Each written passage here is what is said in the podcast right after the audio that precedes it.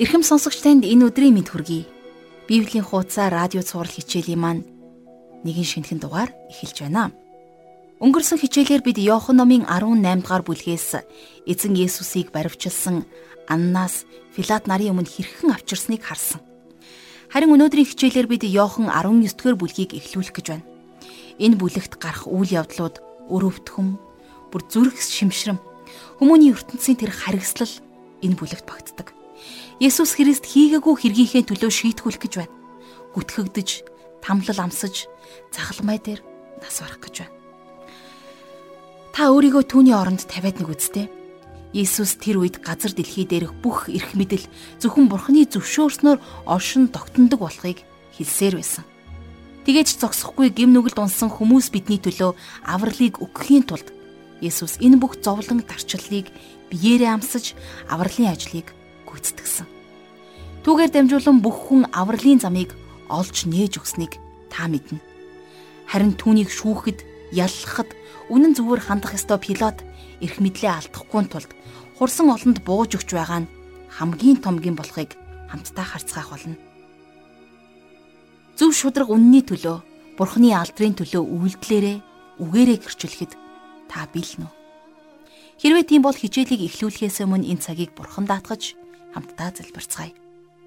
Бурхан эзэн минь, өнөөдрийн хичээлээр би таныг илүү их таньж мэдэж, тийхүү танд дуулууртайгаар амьдрахад та бидэнд туслаарай. Таны хүү Христ бидний гим нүглийн төлөө ивэл ерөөл болон ирж авралыг гүйцэтгсэн. Түүний хайрын үйлс үйлчлэл нэг болгоны төлөө би танд алдрыг өргөж талархаж байна. Их эзэн минь Эдгээр ишлэлүүдийг бид зүгээр уншаад өнгөрөх биш. Эсвэл тэр харамсалтай эмгэнмээр үйл явдлуудын хажуугаар нулимс туслуулаад өнгөрөх биш. Харин тийм их гарцаагүй үнцнээр олдсон итгэл ам амьдралыг бид бусдад түгээж амьдрахад та бидний зүрх сэтгэл дотор тэрл амийн дуудлагуудыг та бидний дотор дүүргэж өгөөрэй. Их эзэн минь хичээлийн энэ цагийг бид тань даатгаж Есүс Христийн нэрээр залбирanгуйлаа. Амен. Харин одоо жаргалах шиг хичээлийг анхааралтай сонсцгоё.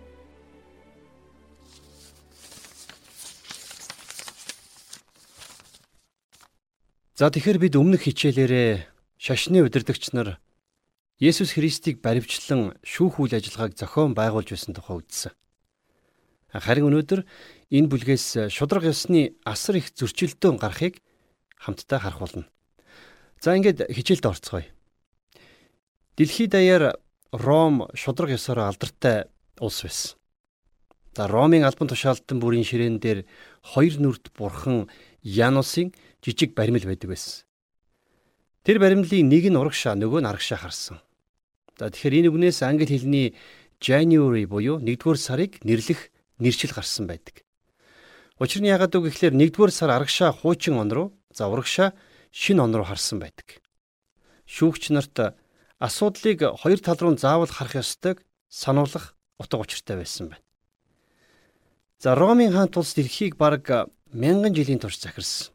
А тэгээд захиргаандаа оруулахдаа сайн хууль, сайн зам, за хэв журам, хамгаалалт, за улмаар амар тайвныг амладаг байсан.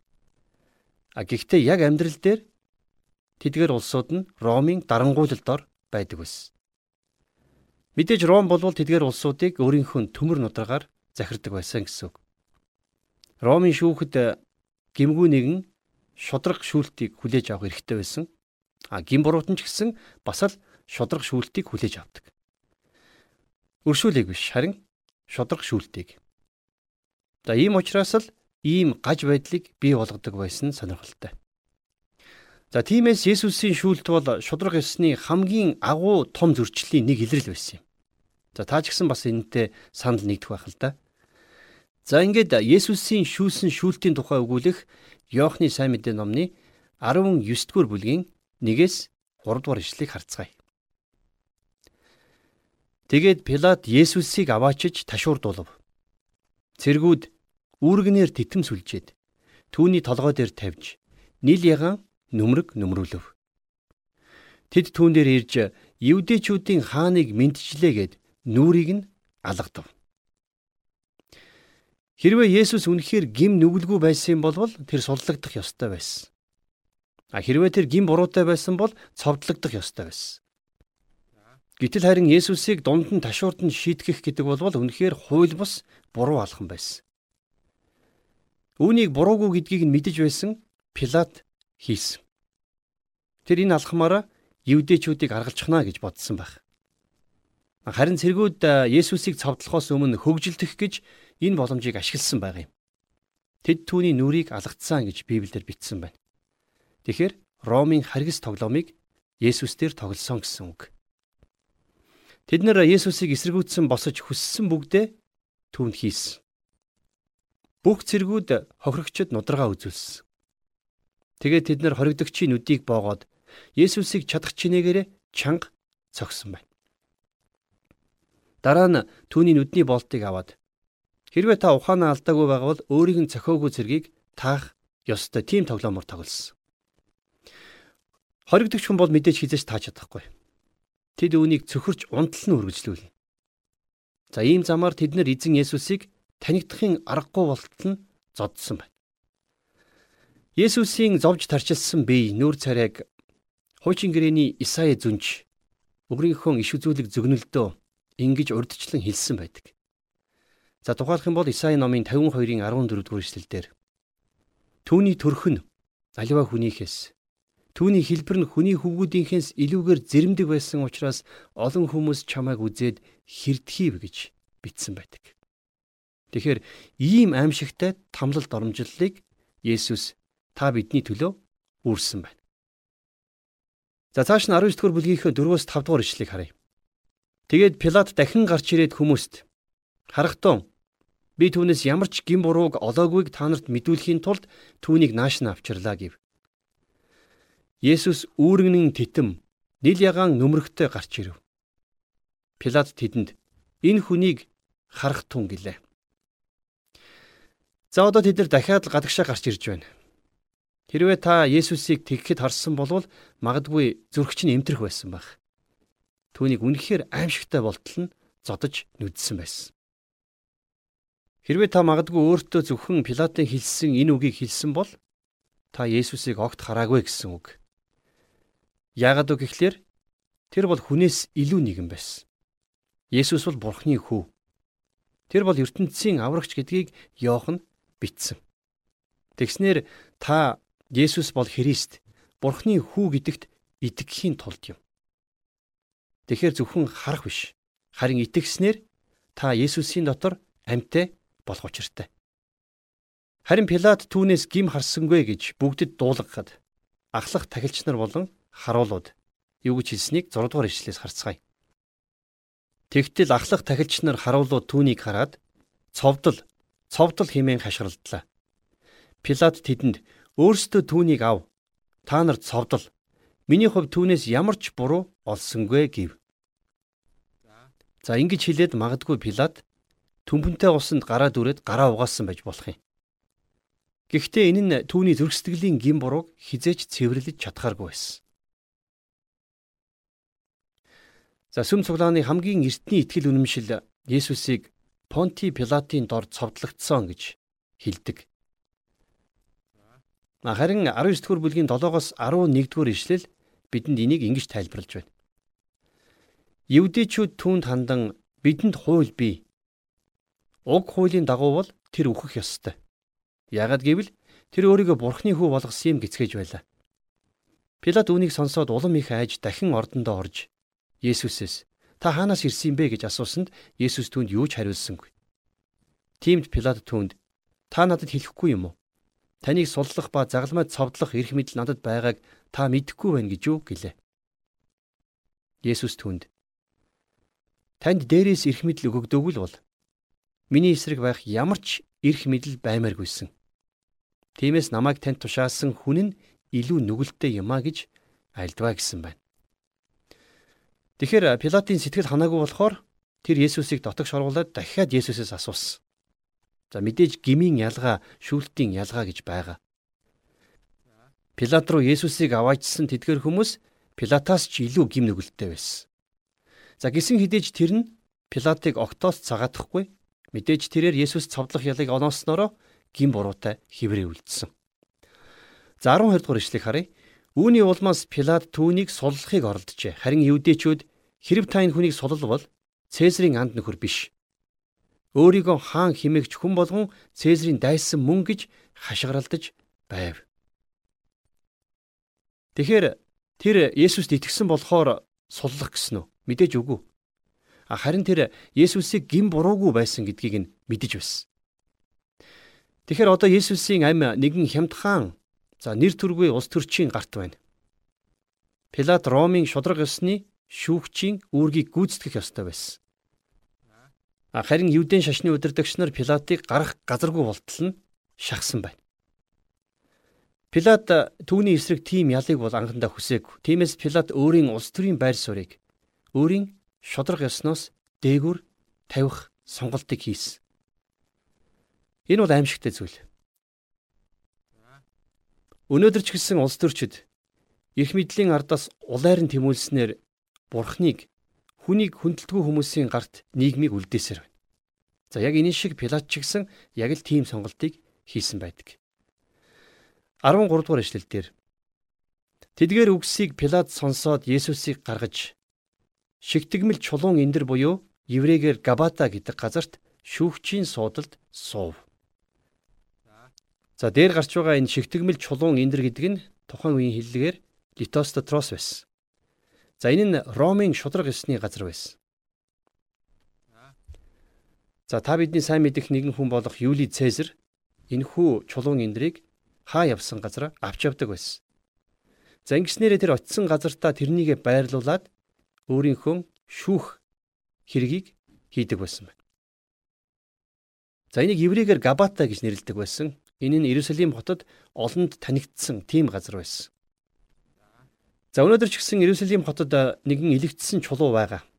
За тэр нь Габата буюу тэр шигтгмэл чулуун эндрийн үлдэгдэл бахаа гэж би хувьдаа боддог.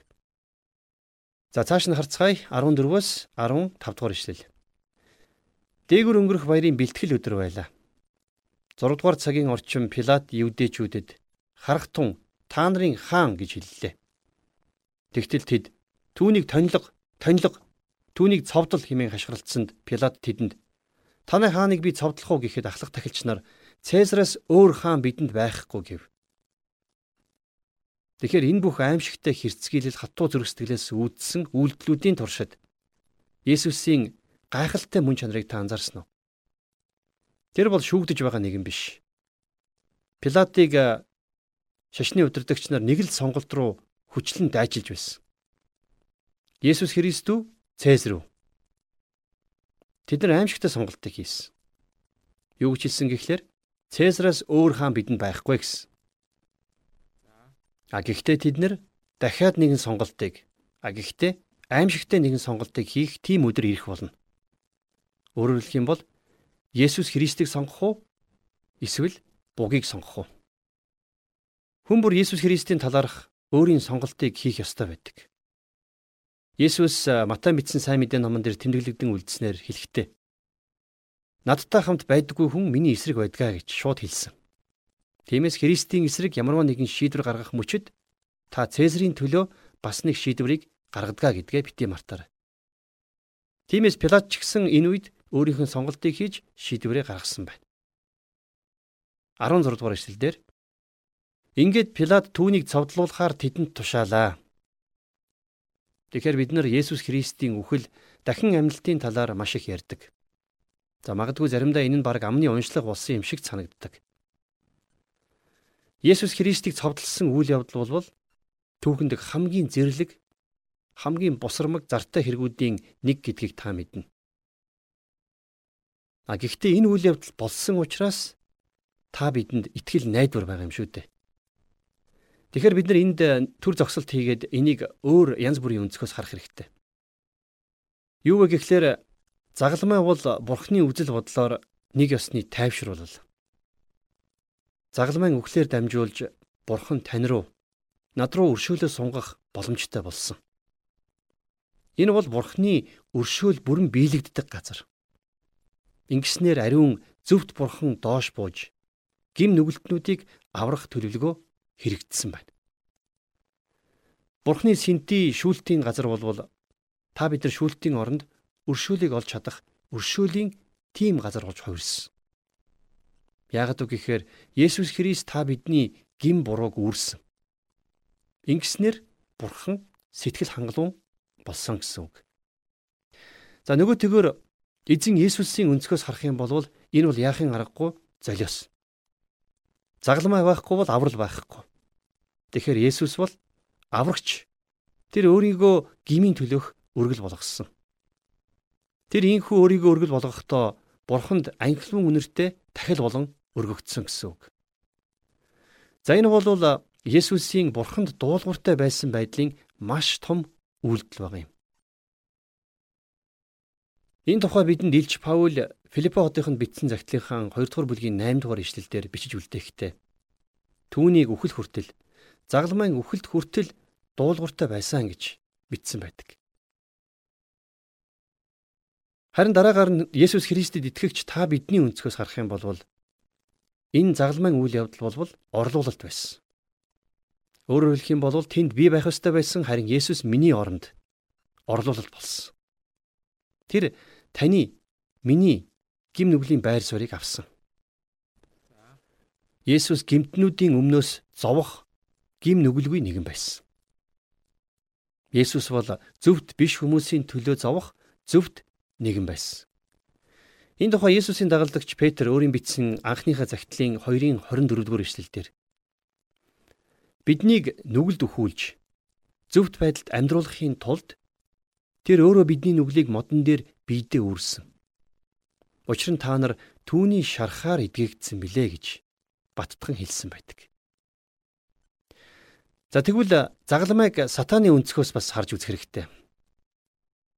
Сатааны хувьд энэ нь ялалт бас ялагдл байсан.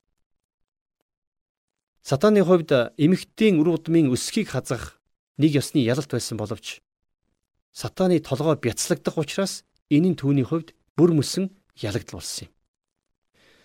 Еврейчүүдэд бичсэн загтлыг зохиогч 2 дугаар бүлгийн 14 дугаар эшлэлдэр Тинхүү хүүхдүүд нь цус ба махан биеийн тасархай болов. Түүнчлэн тэр өөрөө бас тасархай болсон. Ингэснээр тэр үхлийн хүч буюу диаволыг үхлээрээ устгасан юм а гэж тунхагласан байдаг. Харин ертөнцийн үзэл бодлоор бол загламай харгас аллагаас өөр юу ч биш. Бид нэр зөвхөн Назарын гэдэг утгаар нь Есүсийг хардаг. Тэд нар хүнийг л харж байгаа. Тэгээд загламай дээр үнэхээр шудраг бус байдал болж дээл гэж боддог. За тиймээс шашны удирдагч нар Есүсийг цавдлахаар авч явсан. За дуулал номын 94-р дуулалын 20-с 21-р ишлэлийг би энд иш татмаар байна. Зарилгийн эсрэг бузар мууг сэтгчдийн буюу сүрлийн сэнти тантай эвсэж чадах уу? Тэд хамтдаа зөв шудраг хүмүүсийн амийн эсрэг бүлэглэж гимгүй хүнд үхлийн ял өгдгөө гэж Есүсийн үхлийн тухай маш тодорхой зүгнэн бичсэн байдаг.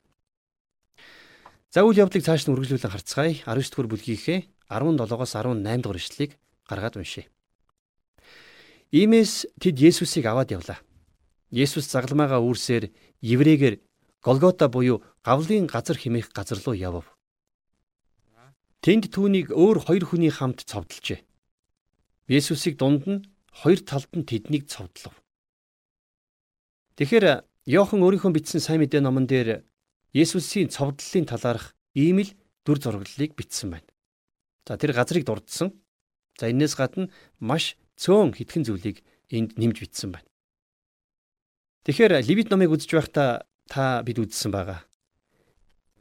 За юу вэ гэхлээр зэрэг гмийн өргөлийг хуарангийн гадна нэгэн цэвэр газар өргөдөг байсныг та санаж байгаа бах. За би энэ Левит номын 4-р бүлгийн 12 дугаар ишлэлийг иш татан уншийе.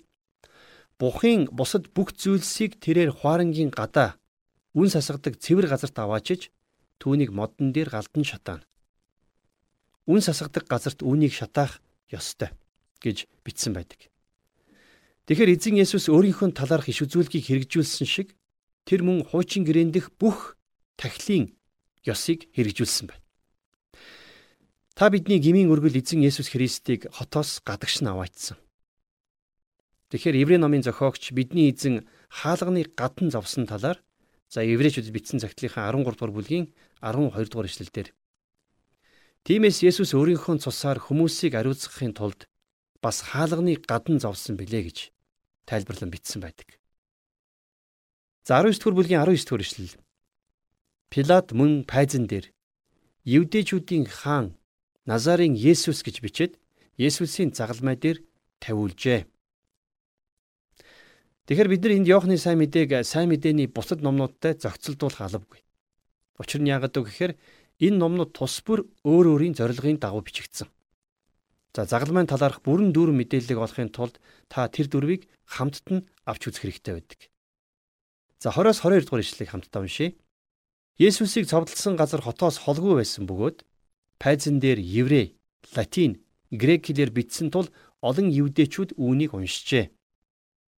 Евдээчүүдийн ахлах тахилч нар Пилатад евдээчүүдийн хаан гэж бүү бич. Харин тэр би бол евдээчүүдийн хаан химэн хэлсэн гэв. Пилат бичсэн зүйлээ би бичсэн юм а гэлээ. За еврей хэл бол тухайн үеийн евдээчүүдийн шашных нь хэл байсан. Харин грек хэл бол соёл боловсролын хэл байсан бол латин хэл хууль за эргэцүүн хэл байсан. Тэгэхээр эндээс ингэж харах юм бол энийг бүх ертөнцид зориулан бичсэн байна. Тэгснэр Есүс бүгдийн төлөө нас барсан гэдгийг харах боломжтой байсан. Энэ бол ертөнцид номлогдох ёстой сайн мэдээ бөгөөд ертөнцийн жинхэнэ найдар болсон юм. За энхүү түүний нэрийг пайзан дээр бичиж өлгсөний дараагаар за 23-аас 24 дугаар эшлэлдэр цэргүүд Есүсийг цовдлоод гадуур хувцсыг нь авч дөрвөн хэсэг болгож хувь хувиа хүртжээ. Дээрээс нь битүү нэгсэн ямар ч ойдолгүй дотор хувцс бас байлаа. Тэд хоорондоо энийг урахгүй харин хинийх болохыг шийдэхийн тулд үүний төлөө шодцгоё гэв. Энэ нь тэд гадуур хувцсыг минь хуваан авч миний хувцсны төлөө шодох болно гэсэн судар биелэгдэхийн тулд ажээ. Тэд нар Есүсийг цовдлсон. Сайн мэдээний бичээчдийн хинэнч Христийн үхлийг огтхонч дүрсэлж бичээгүй. Загалмай цовдлын талаар биднээс нууцлагдсан зүйлсүүд байдаг. Бурхан энэ бүхнийг бидэнд харуулаагүй байна. Харанхуй тэр газар нутгийг нөмөрсөн болохоор хүмүүс харж чадаагүй. Бурхан бидний дими сониуч байдлыг хангахын тулд аимшигтай зүйлсийг нээлттэйгээр шууд харуулахыг хүсээгүй. За хоёрдугаарт нь тэнд эцэггүй хоёрын хоорондын нэгэн хилцэл болж байсан. Энэ бол мэдээж хүмүүн бидний ойлголтоос давсан үйл явдал. Тэгэхээр бидний хийж чадах цорын ганц зүйл бол загалмай дээр Христийн үглээр дамжуулж биднийх болсон уучлалыг итгэлээрээ л хүлээн авах. Тэр бол та бидний харанхуйг нэвтлэх цорын ганц арга юм. За дээрх ишлэлээс харах юм бол Есүсийн өмсч байсан хувцас нь за тариачны хувцас шиг байсан юм шиг байна. А гэхдээ сайн чанартай хувцас байсан нэлт байдаг. Магадгүй хин нэгэн үнийг Есүс зориулан хийсэн баг. За тийм учраас энэ хувцсны төлөө цэргүүд шодсон.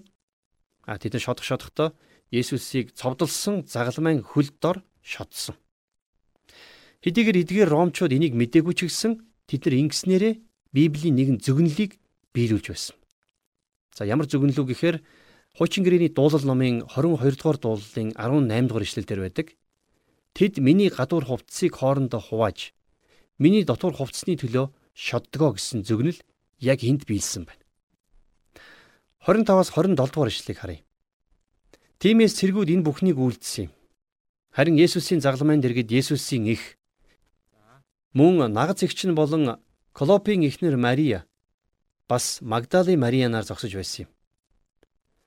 Есүс эхийгээ болон хайртай байсан шаваа ойр зогсохыг хараад ихтэй. Эмэгтэй энэ бол таны хүү гэд. Өнөөх шавьда энэ бол чиний их гэж айлдав. Тэр цагаас хойш тэр шав нь Есүсийн эхийг гэртээ аваачв. Тэгэхээр сонирхолтой байгаа биз Есүс ээжигээ за Марияг эмэгтэй гэж дууддаг. Тэгэхээр бас яг ингэж дуудсан тохиолдол Иохны 2 дугаар бүлэгт тэмдэглэгдэн үлдсэн Кана дахь хурмин дээр тохиолддог. Есүсийн цаг ирсэн. Тэр үхэх ёстой. А гэхдээ тэр дахин амьлах болно. Тэр алдаршуулгадах ёстой байсан. Тиймээс Есүсийн ихтэйг харилцах харилцаа хатуу байх ёстой байсан байна. Түүнд мөн бидэнд тэр алдаршуулгадах ёстой Христ юм. Түүний дахин амьлалд тэр эмэгтэйн нэрийг үрд мөнхөд цэвэрлэх болно. Тэр эмэгтэй бурууг нь батлагдах болно. Гэхдээ тэр эмэгтэй Христ рүү бусад итгэгч нарын адил итгэлээр л ирэх ёстой байсан. Есүс ертөнцийн төлөө нас барахдаа түүнийг хайхрахгүй орхихгүй. Мария дагалдагч нартай хамт түүний амьлалтын дараа дээдлийн өрөөнд залбирч байсныг бид мэднэ. За энэ тухай Үлс номын 1-ийн 14 дээр тэд хэсэг эмэгтэйчүүд Есүсийн их Мария болон түүний дүү нарын хамт нэг санаагаар байнга өөрсдийгөө залбиралд зориулж байлаа гэж тэмдэглэсэн байдаг. Түүний дараа тэр эмэгтэйг бид дахин харахгүй. Түүнийг амьд байх хугацаанд Йохан гэртээ байлгаж асарч байсныг л бид нар мэднэ. Яагад үг гэхээр Есүс түүнээс энийг хүссэн байна.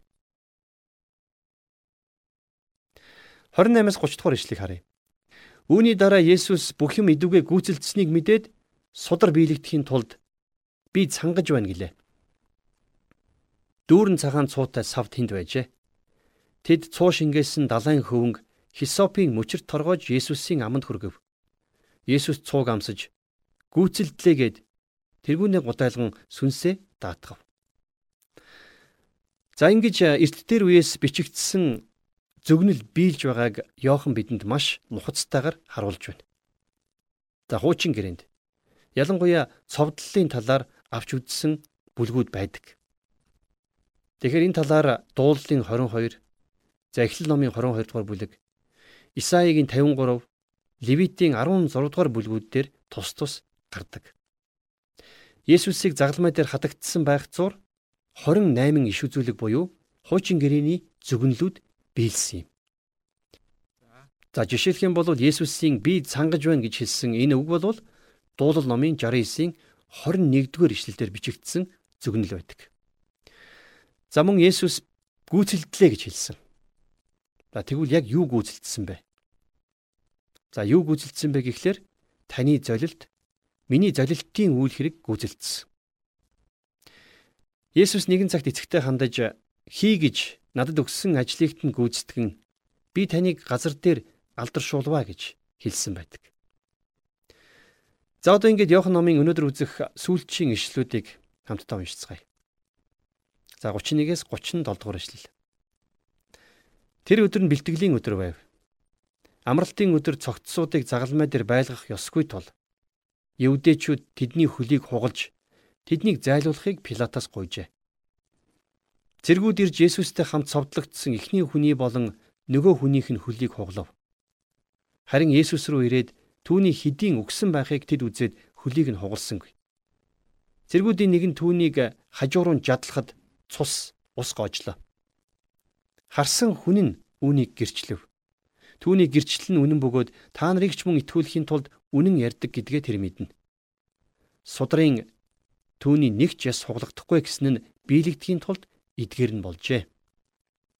Тэд жадалсан хүн рүүгээ харах болно гэж мөн өөр сударт хилдэгэ гэсэн байна. Тэгэхээр Иохны дурдсанаар болвол эхний иш үзүүлэг биелэгдсэн. За дуулал номын 34-р бүлгийн 20 дугаар ишлэлдэр зөвгнөн бичигдсэн байдаг шиг Тэр түүний бүх ясыг хамгаалдаг. Тэднээс нэг нь ч хугараагүй юмаа гэж бичснээрээ Есүсийн нэг ч яс хугараагүй гэдгийг дахин батлан бичсэн байдаг. За хоёр дахь нь өнөөдөр шигсэн хэрэгжүүлэлтэд хүлээсэн хിവэрэ байгаа. За Зихрай номын 12 дугаар бүлгийн 10 дугаар ишлэлдэр би нэгүслийн гуйлтын сүнсийг Давидын гэр дээр Иерусалимийн оршин суугчид дээр асгана. Тэгснэр тэд өөрсдийн жадалсан намайг харна. Тэд ганц хүүгийнхээ төлөө гашуудаж буй нэгэн мэт түүний төлөө гашуудан уухан хүүгийнхээ хойноос асгартал уйлдаг шиг түүний хойноос асгартал уйлах болно гэж. Хуучин гэрээний зүнж Захарая зөвгнөн бичсэн байдаг. Тийм ээ. Есүс хатгагдсан. Тэр хэсэг нь биелэгдсэн. А гэхдээ Захарая тэрнийг дахиад буцаж ирнэ гэж хэлсэн байна. Есүсийг эргэн ирэхэд тэд хатгсан тэр нэгнийхээ нүрийг харах болно. Тэгээд тэд нар түүний төлөө гашууд болно. Тэгэхээр өнөөдөр бид хамтдаа Иохан номын 19 дугаар бүлгийн 1-р ишлэлээс 37 дугаар ишлэлийг дуустал уншиж судлаа. Хичээл зааж өгсөн жаргал агштаа баярлалаа. Сонсогчдаа өнөөдөр бидний эзэн Есүс Христ загалмай дээр нас барсан нь бүгд бичээсийн дагуу болсныг харлаа. Тэр гүйцэлтлээ гэж хэлсэн. Тэрээр гимтэй хүн төрлөختний төлөө авралыг өгөхийн тулд ийхүү зовлон амсаж авралын ажил нь гүйцэлдснээ хэлсэн юм. Үүгээрээ тэр бидний гим нүглийн шийтгэлийг эдэлж энэ дэлхийн бүх хүнд танд бас надад авралын замыг нээж өгсөн юм. Бас энэ хичээлээс хүмүүн бидний ойлгож авах жижигхэн санааг орхиж боломгүй санагдлаа. Тэр бол эцсийн мөчийг хүртэл ихтэй санаа тавих Есүсийн хандлага. Өнөөдрийн нийгэмд олон хүн төрсэн эцэг ихээ орхиж насны эцэст хүлээхийн зовлон үүрүүлдэг. Бас олон аав ээж удам угсаагийн залгах үрсээ үл хайхарч хөхөө мэд тэр олон шууны үүрэнд орхиод л явчихдаг болсон. Гудамжинд, хогийн сувагт, асрамжийн газарт өвөө эмээ эсвэл аль нэг хамаатан саднында орхигдож байгаа хүүхдүүдийн тухай сэтгэл өвтгөн мэдээллүүд хэвлэл мэдээллийн хэрэгслэр цацагдсаар л байна. Насныхаа эцэд үр ачаа тойруулан суулгаад ад жаргалыг идэх ёстой ахмад буурлууд асрамжийн газрын жижигхэн өрөөнд үрсээ эрхийг хүлээж нүдээ ширхтэл сүүлийн амьсгалаа барагдтал горилго тэн суугаа. Тэгвэл бид Есүс шиг эцсийн цусаа асгарч дуустал эцсийн хүчээ шахуугдж дуусах тэр цаг хүртэл хайртай дотны хүмүүсийнхээ төлөө байх ёстой гэдгийг ухаарах цаг мөч байж магадгүй юм. Түүний үхэл, түүний зовлон, түүний хайрын үйлчлэл ихээ гисэн хүүгийн хандлага тэрэл зүрх сэтгэлийг бидэнд давхар ойлгуулж өглөө. Энэ хүрээд өнөөдрийн хичээл маань өндөрлөж байна. Харин та сурсан зүйлээ амьдралдаа баг чадхаа хэрэгжүүлэхийн төлөө тэрэл агуу нэгнээс хүчийг гуйж хамтдаа залбираарай. Бурхан эзэн минь бид дандаа талархаж байна. Та биднийг хайрлсандаа гимтээ бидний төлөө өөрийн хүүг бидэнд илгээсэн. Түүний урсгсан цус бидний гим нүглийг уучлахад хангалттай байсан Гисэн ч бид гим нүгэлд орчлонд амьдарч бид гим нүглээ үргэлжлүүлэн үйлдсээр л байна. Бидний санаатай болон санамсаргүйгээр хийсэн бүхий л алдаа зөрчлүүдийг минь их эзэн минь та уучлан өршөөгөөрэй. Та бидэнд аврал, ивэл өрөөл болсон шигэ өдөр бүрийн амьдралыг минь та ариун сүнсээрээ хамгаалж та бас тийхүү удирдах өгөөрэй. Их эзэн минь ээ бид таны үгийн дагуу таны хөтлөн дагуулалтаар тантай хамт алхахад та туслаарай бид таны хүслүүдийг чагнж мэдж танд дуулууртайгаар амьдарч бид ам амьдралаараа таныг алдаршуулахад их эзэн минь та биднийг хэрэглээрэй. Би танд бүх зүйлээ даатгаж Иесус Христийн нэрээр залбирanгуйлаа. Амен.